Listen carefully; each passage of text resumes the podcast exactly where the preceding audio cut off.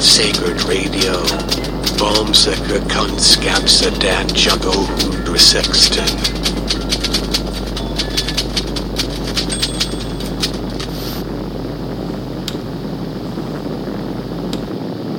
Hej, jag heter Jesper Grip och eh, välkomna till ytterligare ett avsnitt.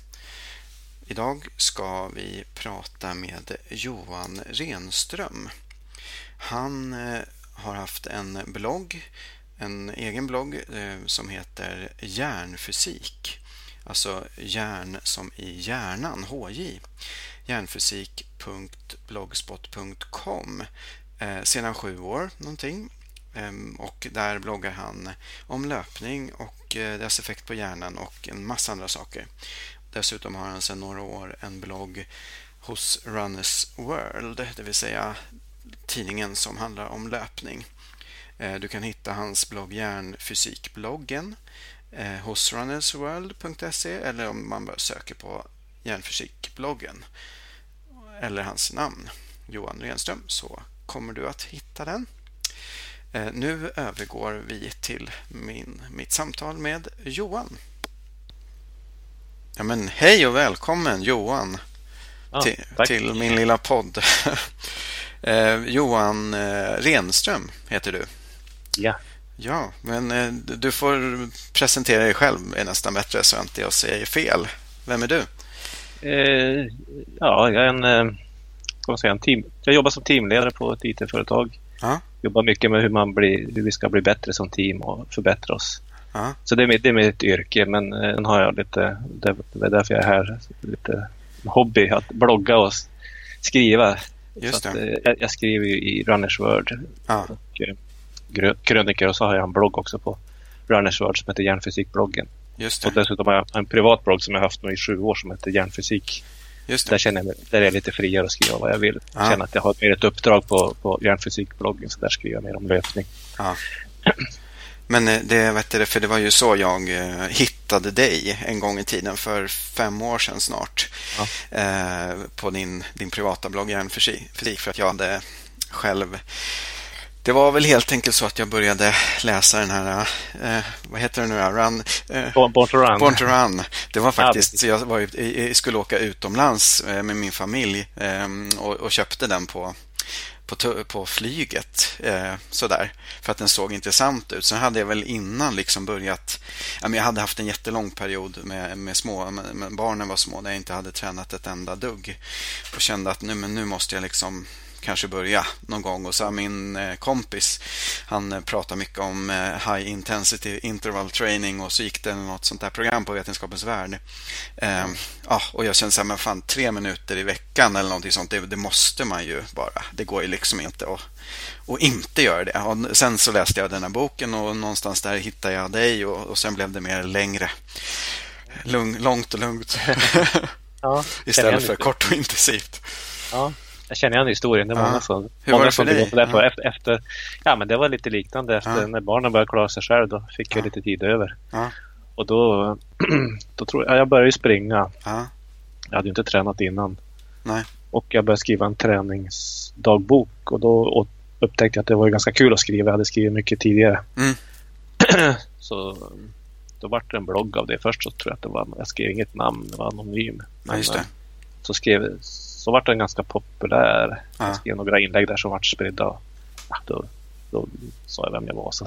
Ja, jag tyckte först det var lite skämmigt och lite fånigt att blogga men Aha. nu är det bara kul. Så att.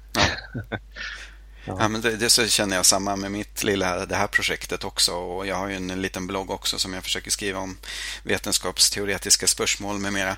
Eh, ja. I början kände jag mig väldigt så här, ja, va, det tog först höll jag på ett år och bara la ut liksom inlägg utan att publicera dem offentligt. Ja. Men jag skrev. Och sen ja. så la jag ner den och så dröjde det några månader. Så, så la jag upp det igen och så bara, men nu, men då använde jag bara min lilla pseudonym där. Som den får heta bloggen.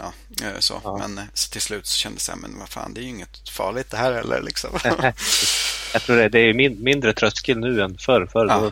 det är många som skrev för byrålådan som ja, dikter och sånt där. Och det, men nu är det lättare att komma ut liksom. Ja, eller hur. Men, men när, hur, du började springa, när var det? Tio år sedan då? Eller något ja, sånt där, tio år ja. tio år sedan precis. Ja, då satte jag upp ett uh, mål att klara ett ultralopp inom uh, 2012 tänkte jag. Ja. Så, att, mm, så det, då var jag väldigt motiverad och det gick bra. Men var, var, var, det redan från början så att du var inriktad på ultra? Nej, de första, första åren då var det mer att jag bara... Det var väl 2007 ja.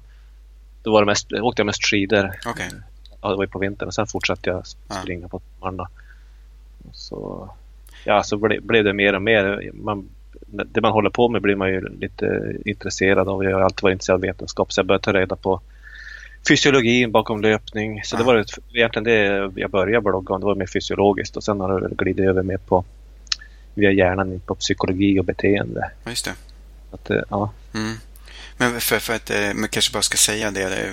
Jag tänkte att du gärna kunde säga några ord om, om bloggens innehåll och så. Eh, det kanske inte är solklart för alla som lyssnar vad Ultra är för något. Du kan väl säga några ord om? Ultra är lopp som är längre än ett maraton så det brukar vara mellan fem och ja, 10. 15 mil. 5-10 mil oftast. Ja. Det, stod... det, är, ganska långa lopp. Ja. Det är mycket mentalt. Och... Ja. Men det är mest loppen då, inte träningen är inte fullt så lång? Nej, träningen är sällan, sällan så lång. Utan, eh, jag springer kanske fyra gånger, fem ja. gånger i veckan. Okay. Det mesta är, mesta lugnt kring en timme, ja. 60-90 minuter. Ja.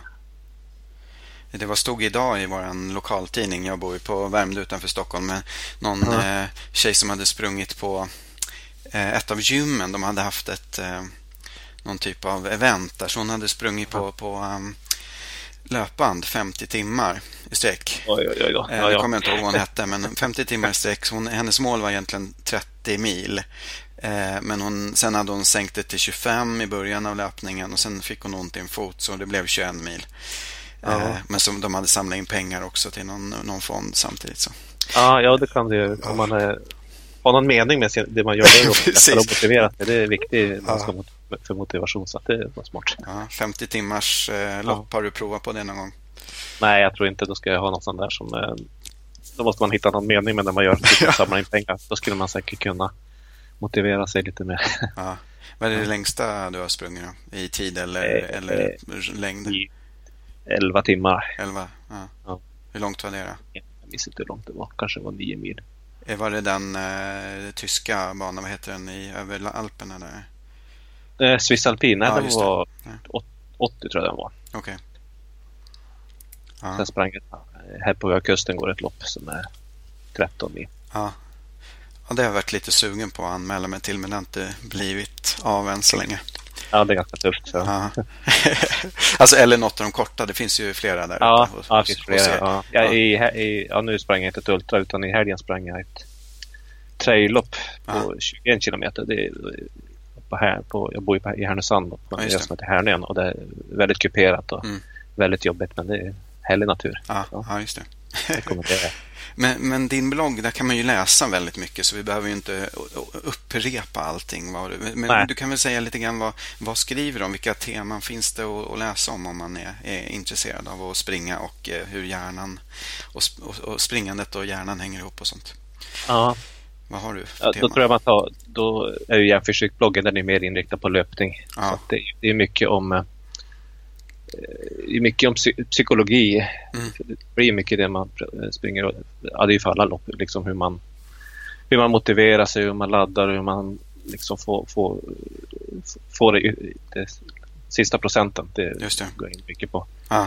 Sen är det mycket, skriver mycket om rödbetsjuice också. Ja, jag har, jag har varit på första tiden här. Uh, det skrev jag om i sju år sedan. Det, först, först nu komma ut uh, ska det göras en stor, stor studie på KI här som ska göra Aha, okay. Just en, en klinisk studie. Men det var inte löpning utan det är om, om hjärtat, om man kan ersätta mediciner. Okay. Och sen skriver jag mycket om jag skriver mycket om jag skriver så mycket om allt möjligt. Brunt mm. fett och mikrobiom och sittsjukan. Mm. Men löpning där är ju mycket ja. hur man lägger upp träningen också. Att jag, jag tycker det här 80-20, att man kör 80 procent väldigt lugnt och ja. 20 procent väldigt hårt. Okay och att man liksom eh, periodiserar det där lite grann. Under samma pass eller, eller över ett år? Nej, under, på, på, på, olika pass. Att mm. Jag brukar köra tre, att jag bygger upp i tre veckor, att jag ökar lite okay. träningen i tre veckor så tar jag lugnt den fjärde veckan. Så Så du börjar lugnt och sen så går det uppåt liksom och ja. sen så går... Ja. ja. Okay. Precis, och då, då, kanske om jag kör fem pass då ett, blir ett intervallpass och så fyra, fem, fyra lugnare pass. Och det intervallpasset är ofta backintervaller eller norska intervaller. Man kör fyra gånger fyra minuter. Okay. Tre minuter joggvila mellan. Mm. Är det eh, framförallt, gör, gör du någon jag hade någon sån liten fråga jag tänkte på. Så här, du, du har ju ett, en träningsregim för dig själv såklart, men ja. är det någonting som du rekommenderar så här generellt eller har du någon annan sån ja. där? Jo, jag tycker det är bra ja. att man ska följa en plan liksom. Mm. Och, framförallt för att hindra, det har ju sett så många som blir övertränade och tappar lusten. Att man verkligen ser till att ha den här återhämtningen och vilan det här, att köra var fjärde vecka, ta det lugnt, det är väldigt bra att bygga upp sig. För det är när man vilar som man blir uppbyggd. Men vad, Sen också ha, mm. vad innebär vila då? Är det ingen löpning alls? Eller? Nej, tar, nej, man drar ner den mm. fjärde, mm. i en sån där cykel var fjärde vecka. Sen brukar jag efter, nu har jag det, den sista tävlingen för säsongen, så mm. brukar jag ta det väldigt lugnt med löpningen då i fyra, fem, sex veckor. Okej. Okay. Det blir ingen springlöpning alls då, eller springer nej, lite grann? Nej, lite jogg. jogg lite jogg. Ja. och det har ju de främsta ultralöparna genom tiderna, en grek som hette Kouros. Han tog tre, tre månader ledigt varje år. Så Oj, ja. det, det, många av de bästa gör så. så. Ja. För, att, för att behålla motivationen på lång sikt så det, och, och, kroppen tror jag att det är bra. Ja. Ta, ta en liten vilopaus. Och du har, eh, gör du någon sån här typ eh, fysisk, alltså styrketräning av något slag också då? Cirkelträning eller något sånt? Ja, jag, jag brukar träna eh, styrka också. Ja ungefär två gånger i veckan. Okej. Okay. Ja, jag, jag, tänker väl mig något liknande, mycket på grund av det du har skrivit bland annat, men också det finns ju ja. andra liksom som har liknande. Ja. Sådär. Men mycket, mycket lugnt, en del som är lite mer intensivt och något enstaka, jag tränar nog inte alls lika mycket som dig, men, men något enstaka liksom högintensivt pass och, ja. och så lugn, eller springa långt och inte så snabbt och gå, sen går jag mycket, liksom, både i jobbet och i på fritiden så att säga.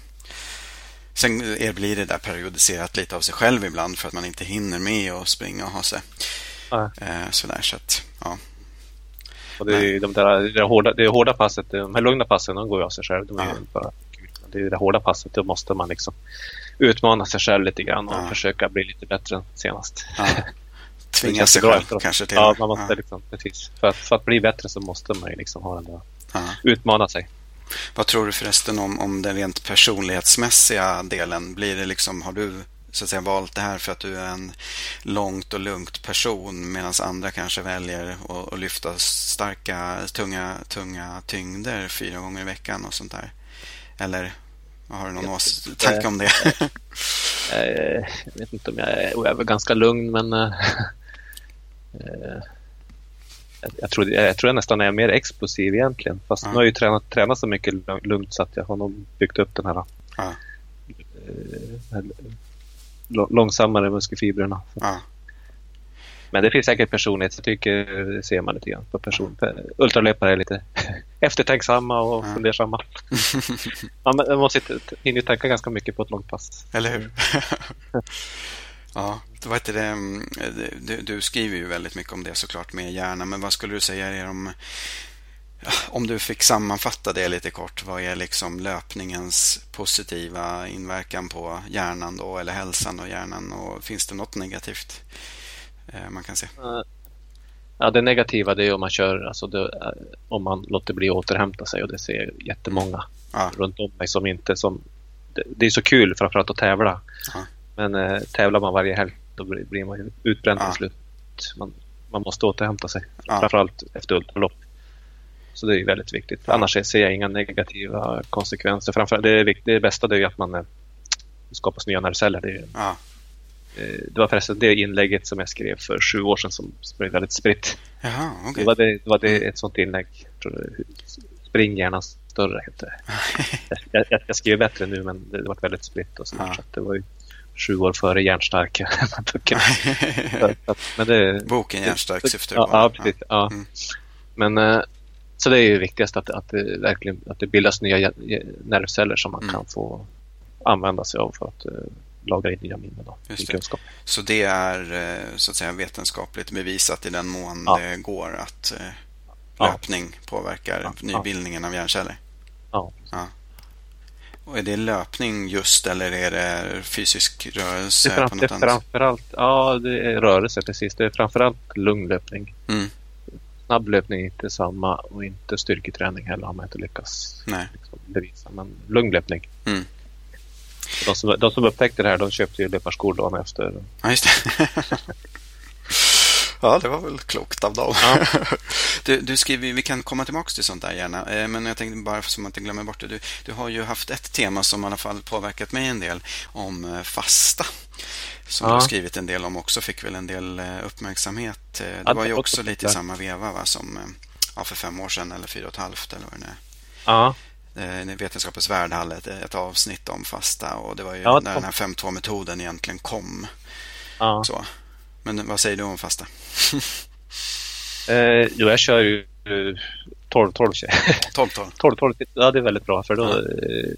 äter jag ingenting på kvällen och så fastar jag 12 timmar varje dag. Det tycker jag är enklast. Eh, det var också en studie som jag, jag baserar mesta på studier. Ja, ja. Först körde jag 16-8 men det är ju ganska ansträngande. Ja. Men det, jag tyckte det var ett bra sätt att, att fasta på. Just det. Men eh, sen såg jag att det var inte så jättestor skillnad på att fasta 12 timmar och 16 timmar. Det är såklart en så gradvis ah. en viss skillnad. Men det var så lite skillnad så jag tyckte inte det var värt att fasta 16 timmar utan då nöjde med 12 för det kan jag hålla på med jämt. Och då gör du det i princip varje dag sådär generellt? Ja, ja. ja. kanske inte på helgerna för då Nej. blir det man äter på kvällen. Någonting. Men man äter middag Eh, ja. Typ klockan sju, sex, sju och äter ja. frukost sen vid sex, ja. sju då, ungefär. Precis. Något sånt. Mm. stopp där. Mm. Ja, just det. Eh, men vet du, har, du, har du någonsin prövat på eller tänkt dig pröva på någon sån här längre fyra, fem dagars eller till och med en vecka eller någonting sånt där? Nej, jag har aldrig, inte fri, ja, ofrivilligt har jag gjort något liknande. Men, ja, ja. nej, två, två dygn. Men jag har aldrig, jag har aldrig eh, Nej, det har jag aldrig testat. Nej. Jag vet aldrig. Ja. det är inget det som du har heller läst dig till att det skulle vara vettigt att testa då, eller? Jag tror, alltså, mm. människan borde ju klara av det och det, mm. det kan säkert ha vissa fördelar. Så att det, men då måste jag läsa på. Ja. Men eh, har du prövat eller? Nej, alltså jag, jag, har det längsta jag har fastat var tror jag 36-37 timmar någonting. Eh, ja. Det var inte jättefestligt kan jag inte påstå. Fast Nej. det var inte heller jättehemskt. Det är det som är lite märkligt det här med fastan. Ja. Att det är ju på sätt och vis enklare än vad man eh, tänker sig om man väl bestämmer sig på något vis. Ja. Och dricker man lite te eller kaffe och lite citronvatten kanske eller något så, är, så får man liksom bort de där hungerkänslorna. Ja, det sägs att det någon, man passerar någon tröskel efter 24 timmar. Ja. Upplevde du något sånt eller att det för sen kan det inte bli värre liksom. Nej, precis. Det, det är lite som ett ultralopp. Det, till, till slut så, mm. ja, nu blir det inte värre än så här. Nu är det bara bita ihop och leva i nuet. Ja, ja men visst, visst. Ja, ja, det, som, eh, det som jag mest alltså, det, tänkt, alltså det är både, det beror väl på vad man vill åt så att säga med fastan också. Det jag gjorde det för när jag fastade och började träna som mest, det var ju någon slags allmän sån här hälsoboost eh, och eh, att gå ner ett antal trevlighetskilon som jag hade lagt på mig Eh, också under småbarnsåren och sånt där. Så att då började ju både liksom träna, fasta och eh, tog bort alla allt mitt idogna fikande av bullar och ja. kakor som var väldigt eh, för, ja. för, mycket och, och, väldigt mycket av de vita kolhydraterna också. Ja. Eh, inte så mycket av de eh, rotfrukter och sånt där men ja, pastan och det. Ehm, och det var ju väldigt sådär, men sen, eh, det var ju bra och det var ju en väldigt smärtfri metod att eh, gå ner i vikt och bli liksom känna sig stark och frisk. Senare har jag väl gått eh, liksom fördjupat mig mer i fastans sådär aspekter av någon slags hälsofrämjande syssla på ja. längre sikt också. Att man tänker sig, det finns de här det var väl senast förra året i något av Nobelprisen va? Och just det, va? hur, ja. hur cellerna bryter ner sånt som är, är, är ska bort liksom och hinner rensa ja. rensa upp i, i, cellerna så att säga. Ja. Eh, och, och då liksom på något vis annars bara bygger det på. Så länge man får in energi så, så bygger cellerna vidare och utvecklas. Men om man då stryper ja. energin under en längre tid, det vill säga minst kanske 24 timmar eller kanske mer, ja. så, eller det kanske påbörjas redan efter 12-15 eller något. Men ja, får, att, att cellerna börjar... Ja. Lite sparläge då, så att man har ju sett att kalorirestriktion, ja, mm, kalorirestriktion att, det, att det förlänger livslängden på djur, djur i alla fall. Ja, just det. Människor, människor lever så länge som man inte kunnat Det är svårt att göra ja. kontrollerade experiment på det. Ja, ja. Eh, en sån här sak som, eh, som man kanske kan läsa om hos, på din blogg också är ju med barfotalöpning eller kanske rättare sagt någon slags mittfot, helfots, framfotslöpning. Till skillnad ja. från eh, från, från hälisättande. Hur ja. är din i, idag? Vad, säger, vad tänker du om om det generellt. Och... Ja, det känns som att det, det är väl accepterat. Ja, det ja. Var, tidigare var det att man skulle landa med hälen, men mm. det finns som egentligen inga... Hälen har man ju med för att eh, om man ska gå. Ja. Den finns ju för att man ska, den finns inte för att springa på. Just det. Så det, det har väl de flesta övergett. Eh, däremot barfotalöpning, det är ju mera jag vet inte vad, vad, det var mycket efter Born to Run som egentligen ja. inte handlade om barfotalöpning alls. Men ändå, egentligen handlar det inte om det. Men, men det blev ändå en eh, debatt om barfotalöpning som mm. ja, var lite konstigt tycker jag. Själv har jag sprungit som barn var jag alltid barfota. Ja. Hade man träskor de gick inte att springa då slängde man iväg dem och så sprang man runt. Så jag, jag springer ja. fortfarande gärna barfota i ja. i skogen. Jag har inga problem med, med på, på, något underlag och jag, jag aldrig gillat mig. Nej, Men jag tror att har man inte gjort det så då, då är det en viss... Eh, det, det, tror jag gjorde många som gjorde fel som inte var vana och bytte direkt till sådana här five fingers. Och började, mm. Då får man problem om man inte tar det varsamt. Just Men jag har haft några problem. Jag tycker det är härligt att springa barfota. Ja. Jag, jag, har inte ens five fingers utan springer helt. Då springer du helt barfota alternativt i minimalistiska joggingskor med en tunn sula? Ja, och jag, alltid, och jag springer i Innovate eller Five Fingers. Mm. Eller barfota. Okay. Men hur, vad var det jag tänkte på? Just det, man kanske ska liksom differentiera lite grann. Om man säger barfotalöpning kan man ju mena eh, med minimalistiska också. Men om man ska ja. vara lite noggrann då så menar alltså antingen då barfota på riktigt, det vill säga ja, barfota. Ja. Alternativet att då springa i någon typ av minimalistiska skor, det vill säga skor utan uppbyggnad som har en tunn sula. Ja. Men då springer man då fortfarande både på barfota och i minimalistiska skor springer man i mitten och på främre delen av foten. Då, ja, och sätter fram, i den. Fram, just det.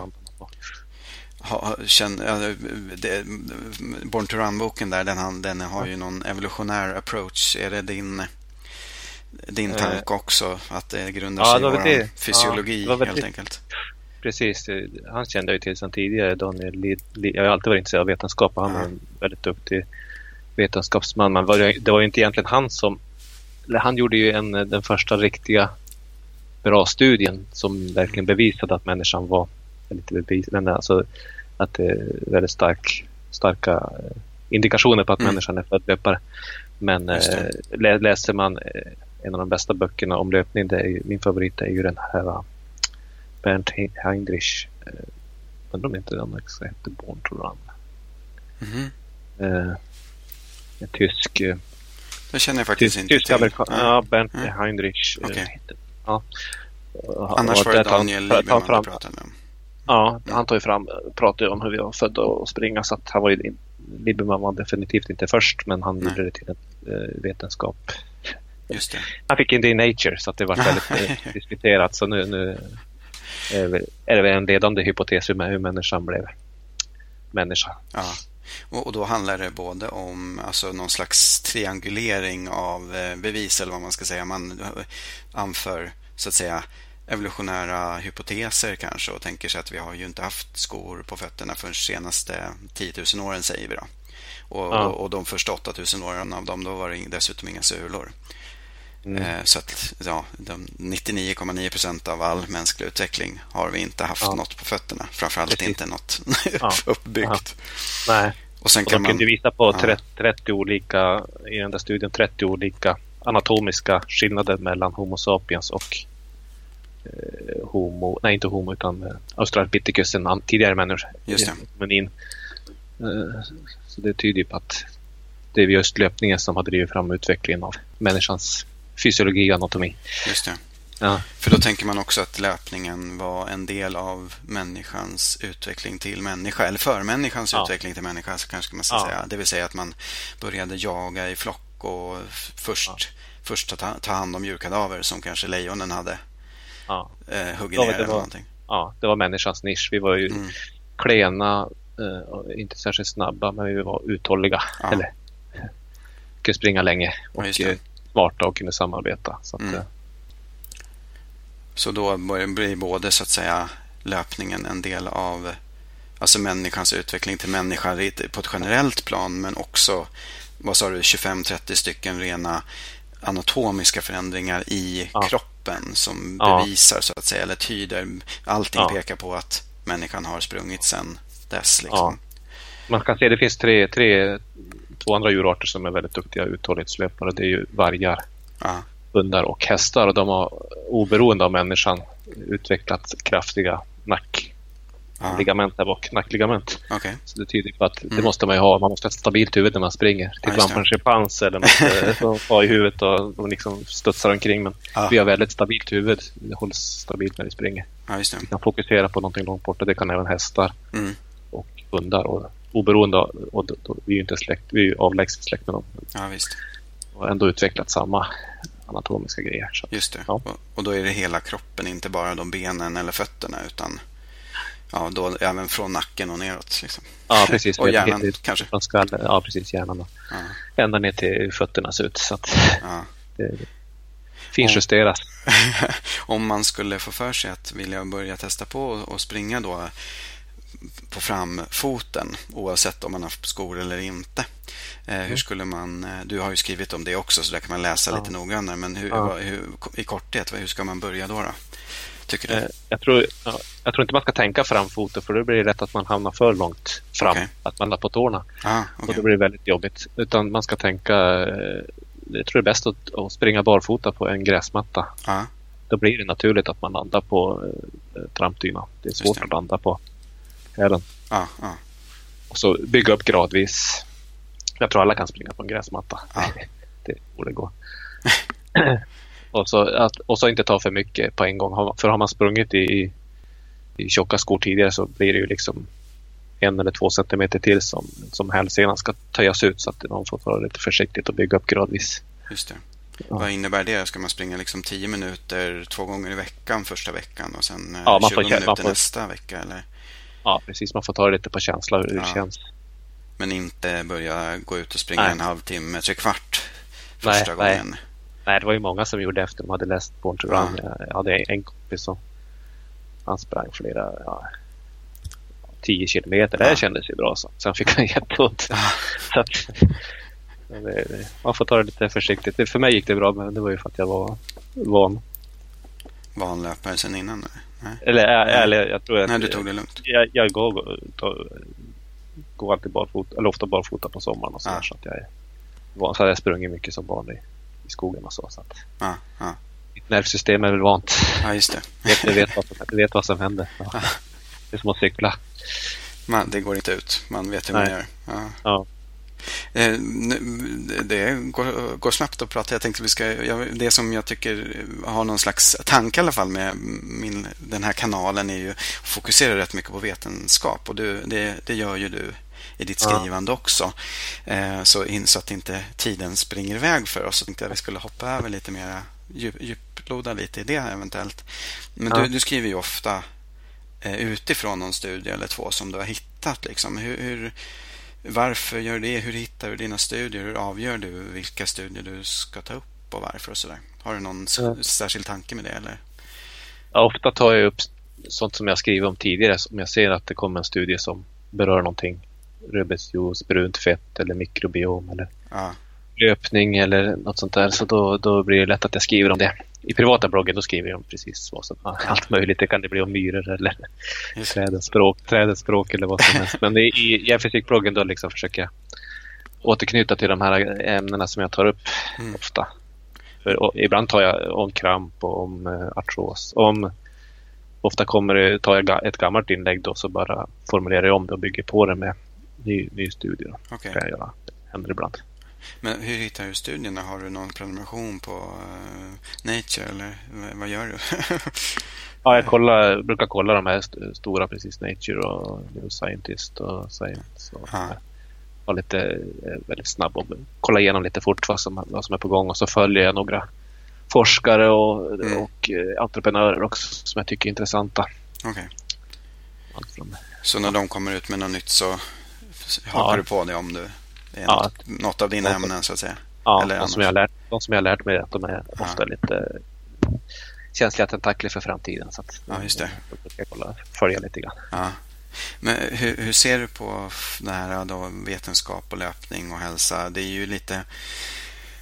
Det, man kan ju misströsta ibland om man läser i vanliga dagspressen sådär, om, om det det, står ju olika saker lite grann kan man uppleva ja. från vecka till vecka. Ja. Och de är ju hejdlöst dåliga ibland på att redogöra för ja. studier och deras, eh, framförallt kanske, inte att redogöra för vad studien säger, men att liksom alla studier duger att referera till. Eh, sen om det är en extremt dålig, dåligt underbyggd eh, liksom, intervjustudie, vad, vad, gjorde du förra sommaren?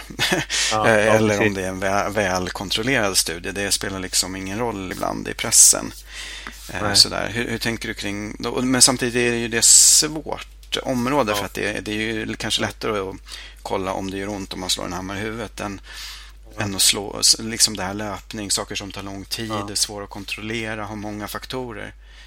Hur, det jag har lärt mig det, att, det, det är att eh, tidningar skriver gärna om sånt som är lite sticker ut och är lite intressant. De skriver ju ogärna om studier som visar att det här stämde inte. Alltså Nej, som falsifierar en hypotes. Nej. Så de, de har återkommande har det varit en forskare eller en forskargrupp som skriver att löpning är farligt. Och nu har jag bloggat i sju år så jag har märkt ett mönster att ungefär vartannat år så kommer en studie från den här gruppen om att löpning är farligt. Ja, det, det kom bara ja. ganska nyligen, eller hur? Bara ja, några veckor ja, sedan senast. Ja, det, precis. Att, men det finns ju som ingen substans i den där. Senaste byggde på två dödsfall av... Det liksom hade, och det var inte ens kontrollerat vad de dog av. Så hade de dött i någon bilolycka. Eh, okay. Det fanns ingen sån kontroll. Så det, var väldigt dåliga studier. Men de, blir ju, de, de, eh, de sticker ju ut och då blir det intressant. Ah. Eller, men det gäller ju inte bara det gäller en TED-bok som är ju jättebra. Men de populäraste TED-praten är ju ofta... behöver inte heller vara, det är inte sant bara för att de pratar där och det är inte sant Nej. för att det är en studie. Det skrev jag om här, här om veckan om, om en av, den populäraste TED-talksen. Det var det här om att kroppshållningen påverkar hormoner och hur det går för dig i livet. Men det finns ju ingen som helst eh, ingen, men det upprepas ju hela tiden och, och det finns ingen som helst eh, Du får lätt ett eget liv en i någon slags... Ja. ja, precis. Så en av forskarna bakom den här ursprungliga studien har till och med sagt, erkänt att de eh, fejkade datorn. men men eh, har ju skrivit en bok här och blivit väldigt populär dessutom. Men för det låter ju också väldigt enkelt. Står bara med händerna i sidorna så blir det Superman eller Mirakelkvinnan. Det, låter, ja, det. det, är liksom för, det är för bra historia för att vara sant. Men det, det händer liksom ingenting. Det är ingenting som, det blir inte, lyckas inte bättre intervjuer eller arbetsintervjuer eller någonting. Men det är väldigt svårt att liksom gå från korrelation till um Alltså till någonting som samma, händer samtidigt eller efter varandra till att verkligen bevisa att det ena ja. är orsakat av varandra. Så att säga. Ja. Eller orsakar ja. det andra. Ja, dessutom man manipulerar data så blir det ännu, ja, ännu, ännu värre. Ja. Ja. Men hur, hur gör man då för att eh, så att säga avgöra, alltså hur, hur gör man i den här löpningsforskningen för att veta att, att man faktiskt är korrekta slutsatser på spåret och hur avgör man om som läsare eh, om en studie är, är bättre eller sämre? Då? Har du några tips liksom och tankar? Det finns ju, alltså, det finns ju mycket dålig forskning eftersom mm. det ofta, eller dålig, det, det, är svårt att göra bra forskning för det är ofta väldigt små grupper. Man ja. studerar kanske 10-20 löpare. Ja. Och, och, det är en stark placeboeffekt också så att det, det, är svårt att göra bra studier men det kommer, och de brukar skriva om. Ja, just det. Då, då väldigt bra studier med kontrollgrupper och med korsreferenser och ja. Äh, kors, och eh, då, då brukar jag skriva om dem, för de är ofta bra. Och, mm. och studier måste kunna gå att upprepa också och kunna gå att falsifiera. Så det, det, finns vissa krav. Så det tycker jag är viktigt. Ja. Om, du bara, om man upprepar de där grejerna igen, man ska ha en kontrollgrupp så att säga. Ja. Om du ska kolla någonting så ja. ska man gärna ha en grupp som är en kontrollgrupp, det vill säga, vad betyder det? Eh, någon som... Eh, ja, för att få bort placeboeffekten. Ja, att de gör något annat och så ser man ja, vad händer ja. med den gruppen. Ja. Till exempel om man ska testa om rödbetsjuice funkar så får en grupp dricka rödbetsjuice och en annan grupp får dricka rödbetsjuice utan ett aktivt ämne. Alltså något som ser ut som rödbetsjuice, att de inte vet om det. Helst ska inte forskarna själva heller veta om det, för det, det, det kan det. påverka också. Dubbelblind. Ja, precis. Ja. Dubbelblind. Ja, så att, mm.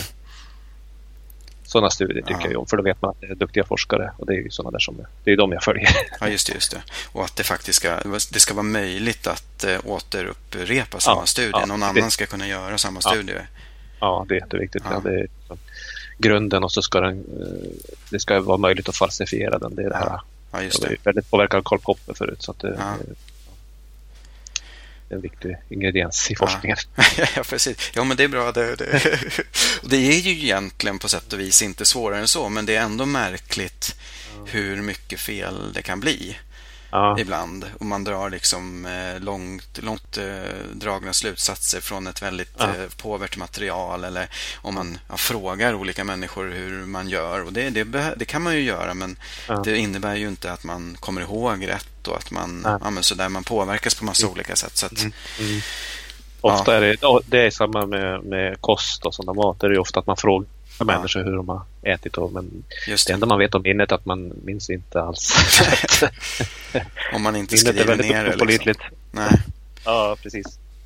Det är väldigt opålitligt. Ja. Eh, vad heter det?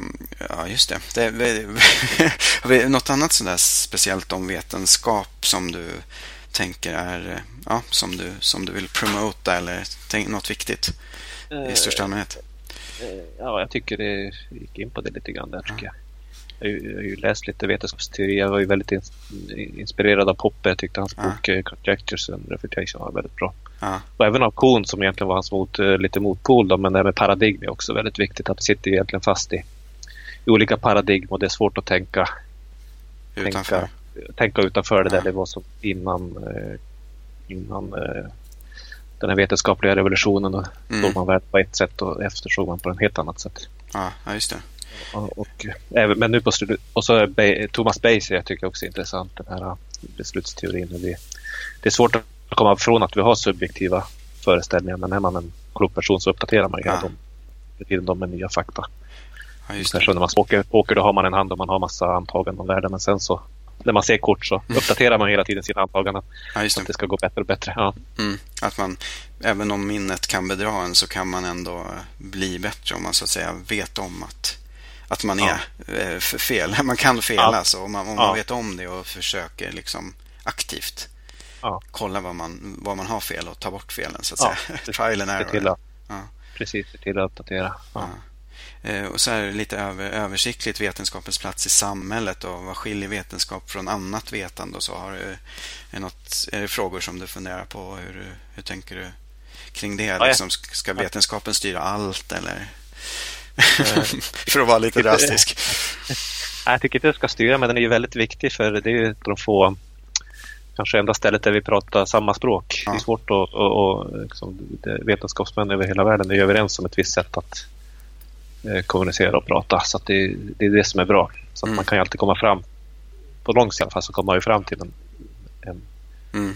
rätt, rätt slutsats. Mm. Sen är det lite diskussioner på vägen, men ofta kommer det går ju framåt.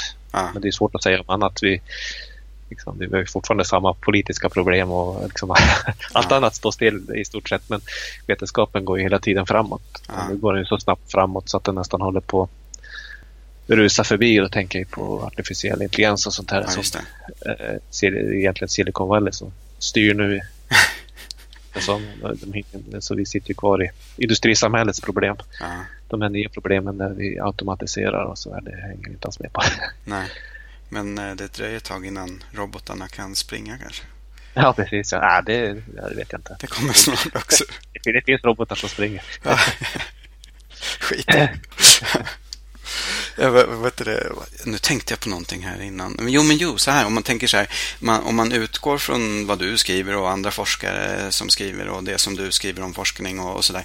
Eh, och då kan man ju så att säga ha det som en bakgrund, som tips till hur man ska göra och veta att så här, det här funkar för eh, om man har eh, provat hundra personer så funkar det ändå för majoriteten och så där.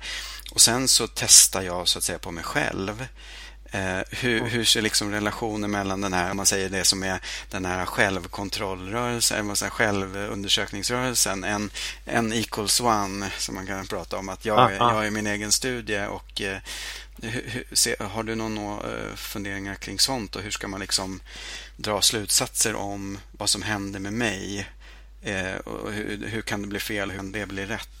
Kring saker. Om jag, om jag börjar springa och så märker, får jag feedback från kroppen att det här funkar. Ja. Hur vet ja, jag att det är det ena och det andra och sådär? Ja. ja, det tror jag. Då ska man nog gå på det för att vi vet så otroligt lite. Ja. Vi, har, vi vet ju 0,1 procent eller något sånt där. Så att eh, märker man att det funkar då ska man nog fortsätta. För det, det är också väldigt spridning i, i, i alla, alltså det gäller även vad vi äter. En del mår ju bra mm. på det skrev jag också om sur, surdeg och en del mår dåligt på det. Så ja. det är liksom svårt att ge generella råd. Det, som, det blir mer och mer individualiserat och, ja. på sikt. Så, att det, så gjorde jag i början. Att, alltså, att man, eller så, så gör jag fortfarande. När man mm. läser en studie så testar man en lika mätt. Men då ska man ju passa sig. Det gör ju många bloggare fel. Att bara för att det passar med mig för det passar inte för alla. Ja, man måste vara väldigt tydlig med det. Att det, det här säger studien och det här, så här blev det för mig. Men, mm slår olika. En spridning alltid. Ja, det, det kanske, eller jag tänker att det beror ju ganska mycket på också vad, vilken fråga man försöker svara på. Vad är det man mäter? Om jag, om jag då tar mig själv som exempel för snart fem år sedan eh, och om jag då vägde ungefär 20 kilo mer än vad jag gör idag. Nu är jag någon slags normalvikt för min längd. Sådär. Ah, eh, bra gjort. Ja, men då, precis, då, då, då började jag springa jag tog ja. bort vita kolhydrater och socker, ja, det är vit kolhydrat i och för sig, då, och, sådär.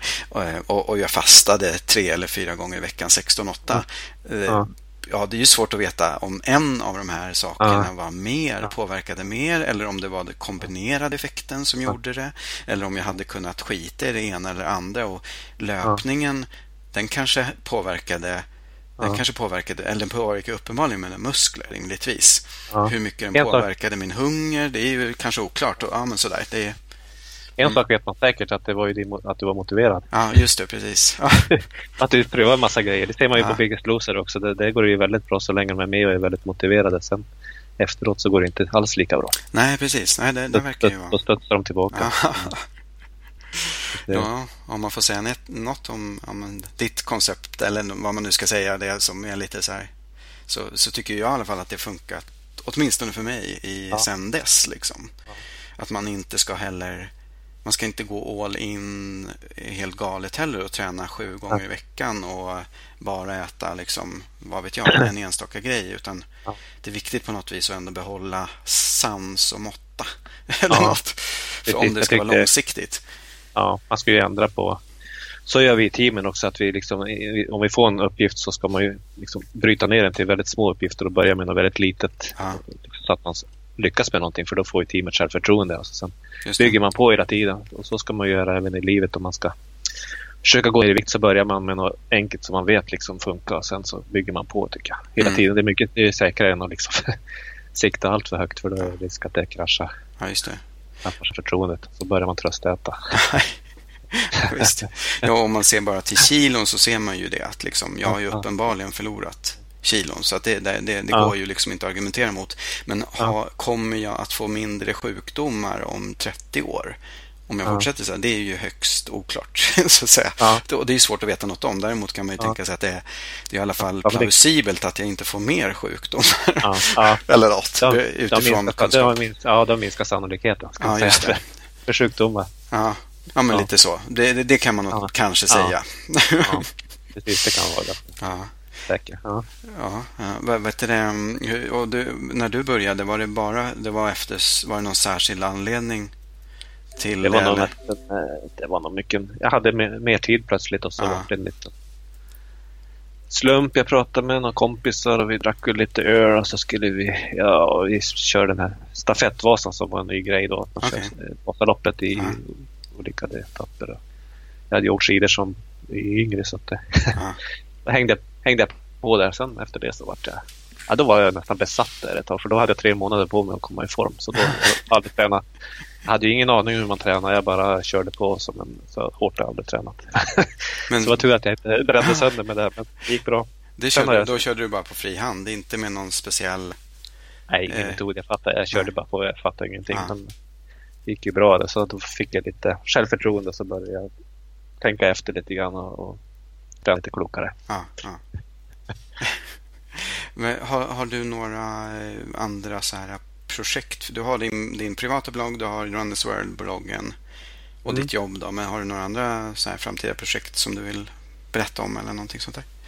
Ja, jag började skriva en bok för ett år sedan. Jag Aha. hade ju fått förfrågningar från Runners World att du borde skriva en bok. Aha. Men sen så hörde han av sig, chefredaktören. Nej, tyvärr den boken är redan skriven och det Aha. var den här Järnstark. Ja, ja, ja, just det. han tyckte jag skulle skriva något om det där. Men, ja. Eh, men så tyckte jag att jag hade något annat att skriva om. Ungefär det jag har bloggat om.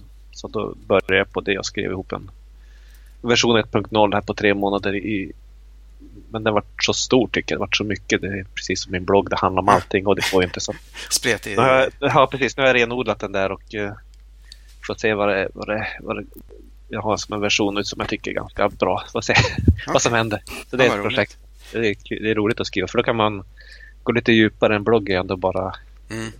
3-4 tusen ord och så, här, så att, eller tänker. Så det är ja. svårt att komma lite djupare. Så att det, med en bok kan man både gå djupt och ändå vara lite tydlig och enkel. Det är viktigt att vara enkel så att det går att förstå. Ja. Har du någon slags eh, tidsplan på när den kanske kommer ut? Eller? Ja, först måste jag, jag har väl någon intresserad, intresserad förläggare så kanske jag ska höra med ja. Runners over det igen. Okay. Men eh, i princip så skulle den kunna vara färdig till, till ja, i vår. Då. Okay. Vi får ja. se hur det går. Ja. Men då kan man hålla... det är roligt att skriva i alla fall. Ja, ja. Kalla utkik så kanske vi får anledning att äh, återkomma och prata om den då.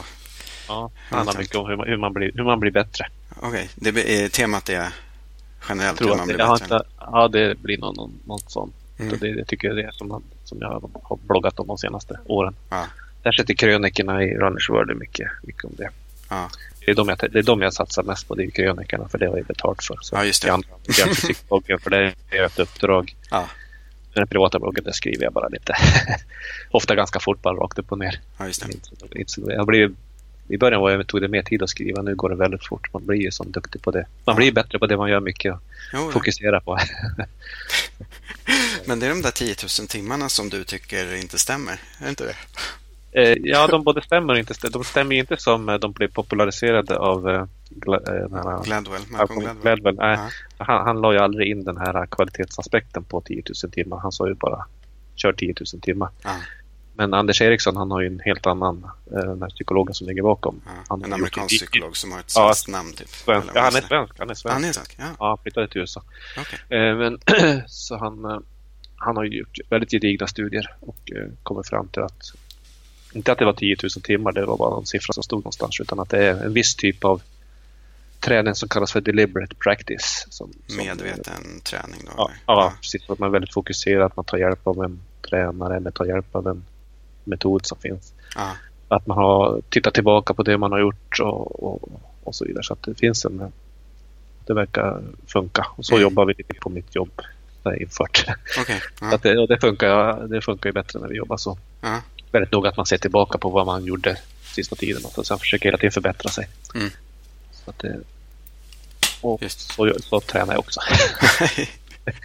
och lite grann av det kommer i boken också. Det finns så mycket, otroligt mycket aspekter på det där. Så att, ja. Ja, det är spännande. Just nu tycker jag det är spännande. Ja. Jag, jag, tror att du skrev också att du hoppar mycket mellan ämnen och så har det varit hela oh, ja. livet. Jag var ja. väldigt intresserad av historia ett tag och sen var jag väldigt intresserad av astrofysik. Alltså. Om man ser på vetenskapligt. Alltså. Ja, just det. Ja, precis. Ja, det är väldigt bra för man borrar så djupt. Alltså man blir väldigt bredd. Ja.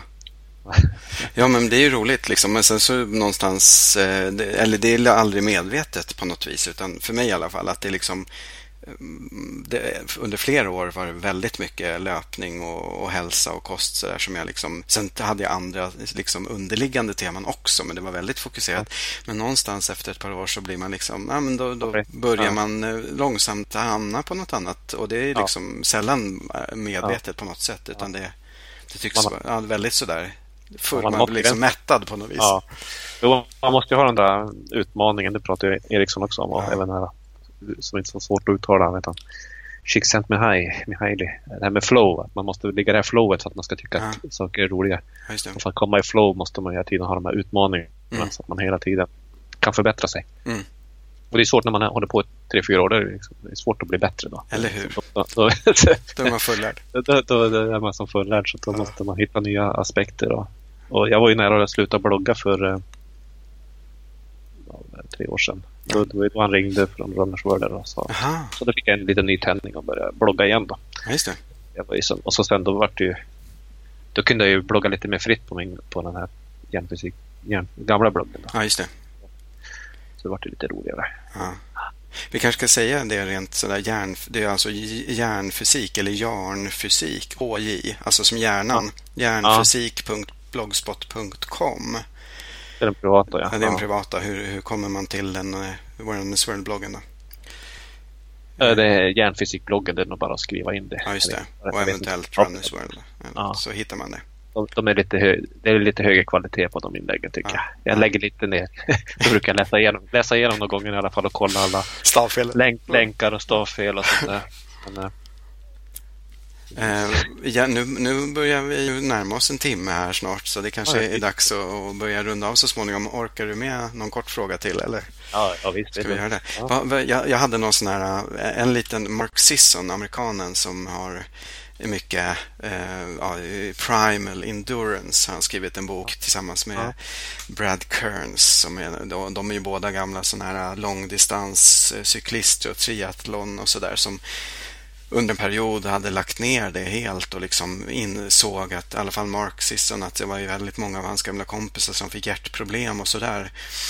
Mm. men så småningom så kom man på något vis tillbaka till, alltså, men, och det är ju lite det som vi kanske har pratat om här hela tiden, upplever jag i alla fall, att eh, liksom, du, du, kan inte köra på och springa maratonlopp eh, en gång i veckan och liksom träna mycket som helst. Det är inte heller nyttigt så att säga. Men har du någon eh, har du någon, någon åsikt om Sisson? Och, eller något jag igen, du följer? Jag, det jag känner igen namnet så väl. Jag tror han har någon blogg som heter Mark's Daily Apple. Ja, exakt. Just det. Jaha, det var den ja. Ja, det är han. Ja, jag tror jag, tror jag, jag, jag, tror jag var inne, men det var nog länge sedan. Men okay. Eh, jag är lite svårt för det här, kons, det koncept, att det finns Koncept. Det känns som att det är något ja, koncept eller sånt ja. där. Utan jag är ju mer att man, om man bryter ner saker så hittar man alltid någon annan metod som funkar bättre. Ja.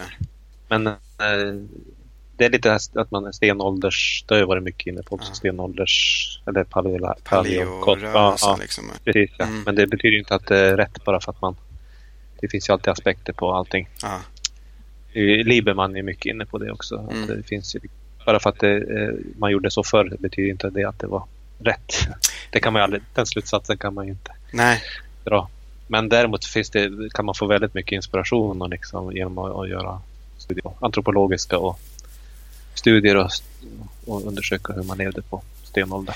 För ja. Vi är ju anpassade till, anpassade ja. till en sån kost och så, ett sånt liv. Så att det, det mesta som går fel är ju för att vi inte lever så. Ja, för det brukar ju vara huvudargumentet ja, att eh, om vi har gjort någonting i 98 procent av vår hela historia då, då borde det vara ändå fortfarande ungefär så vi fortfarande är eh, grund liksom lagda. Ja, precis. Det, det är lite svårt att argumentera med det på sätt och vis. Ja. ja. Men det behöver inte betyda att allt nytt är fel. Nej, nej uppenbarligen. ja. Men mycket, mycket är fel. Mycket, det, är, det är många som mår dåligt i onödan. Ja. Det, det stämmer. Jag, har, jag, brukar vara försiktig med mobilen och sådär för att jag tycker att den, den gör att jag inte kan tänka riktigt. Så jag läser mera böcker och jag tycker om att läsa på iPaden men de är ju liksom väldigt nära internet och internet är ju liksom ytligt. Det är lätt ja. man surfar ju runt och klickar runt. Och ja. Så fort det börjar bli lite svårt att ropa man till någon en, en bok, det kan man inte göra med en bok, då måste man liksom gå lite djupt. Så att, ja. Men då, då är det framförallt det. Jag tänkte att jag har svårt för in, ja, men då, då, då är det framförallt det här äh, st stimulit som du tänker på. Att, det är ja, att ja, man liksom, ja. Äh, på, liksom man blir väldigt stimulerad till att hoppa mellan olika saker. Ja, det, är ja. den, det, är den, aspekten av det hela som ja, du tycker är mindre lyckad. Ja. vi har ju den där kicken. Det är, det är ju för att vi ska gå ut och jaga när det är lite ja. mat. Få den här dopaminen och inte riktigt veta hur det ska gå. Ja, Men nu får, har vi den hela tiden från, från mobiler och ja. bekräftelse från som egentligen inte betyder någonting. Utan det är ju bara man bekräftar varandra egentligen. Ja. att det är lite. Ja, alla dessa spel som barnen bland annat ja. spenderar mycket tid på kan man ju bli lite ja. trött ja. inför. Försöker, jobbet borde vara som ett spel, då skulle folk jobba ja, mycket bättre. Man får hela tiden bekräftelse, eller lite så här, kickar att man, man mm. klarar av saker och sånt där. Gamification. Mm. Tror jag kallas. Finns, ja, finns det något sånt? Ja, de, de, det finns till och med någon typ av Aha. rörelse Aha. Eh, som heter gamification. Eh, det var någon annan eh, podd som heter någonting som inte spelar någon roll, men de gjorde reklam för det i någon slags det var en konferens här ganska snart. Oj då, jag trodde jag kom på det där. hur, ska man, hur ska man använda spelgrejer mm. och sånt, kickgrejer i arbete? Precis. Det kan ju vara jättetråkigt, men folk spelar dem ändå bara för att få ner de här kickarna. Ja, men visst. Ja, så att, ja. Mm. Ser man. Ja. Hörru, vet du, är det något annat som vi har glömt eller något om du vill berätta eller säga eller någonting innan vi avslutar? Ja, det var, tycker vi pratade, han pratade om mycket grejer. Jag vet ja. inte. Ja. ja, det tycker jag också, men jag tänkte om det var något särskilt som inte jag tänkt på. Liksom. Uh, mm. Nej, det var uttömmande. Bra, fick jag lära mig något också. Eller hur? Det var ju tur. Jag också. Men då får vi hålla utkik efter din kommande bok då om ett halvår, kanske i vår. Ja, jag hoppas det. Ja, jag, jobbar, jag, jobbar, hårt på den i alla fall. Jag ja. lägger mest av min privata tid på den. Ja. Det låter bra. Ja, men tack så mycket Johan för att du var med och tog av din tid. Det var jättespännande. Ja, tack. Ja, tack. Det var roliga, roliga frågor. Det var lite annorlunda. Lite annorlunda. Det är kul. Mm. Ja, ja, tack så mycket. Då eh, säger vi tack för idag. Mm, tack. Hej. Hej. Tack så mycket till Johan för att han var med i podden. Självklart uppmanar jag alla lyssnare att eh, titta in på hans eh, bloggar och se vad han skriver. Ehm, om man är det allra minsta intresserad av eh, antingen hjärnan eller löpning eller träning eller andra relaterade frågor. Och så håller vi såklart ögonen öppna efter hans kommande bok. Eh, med de orden så tackar vi för uppmärksamheten och säger hej då tills vi hörs nästa gång.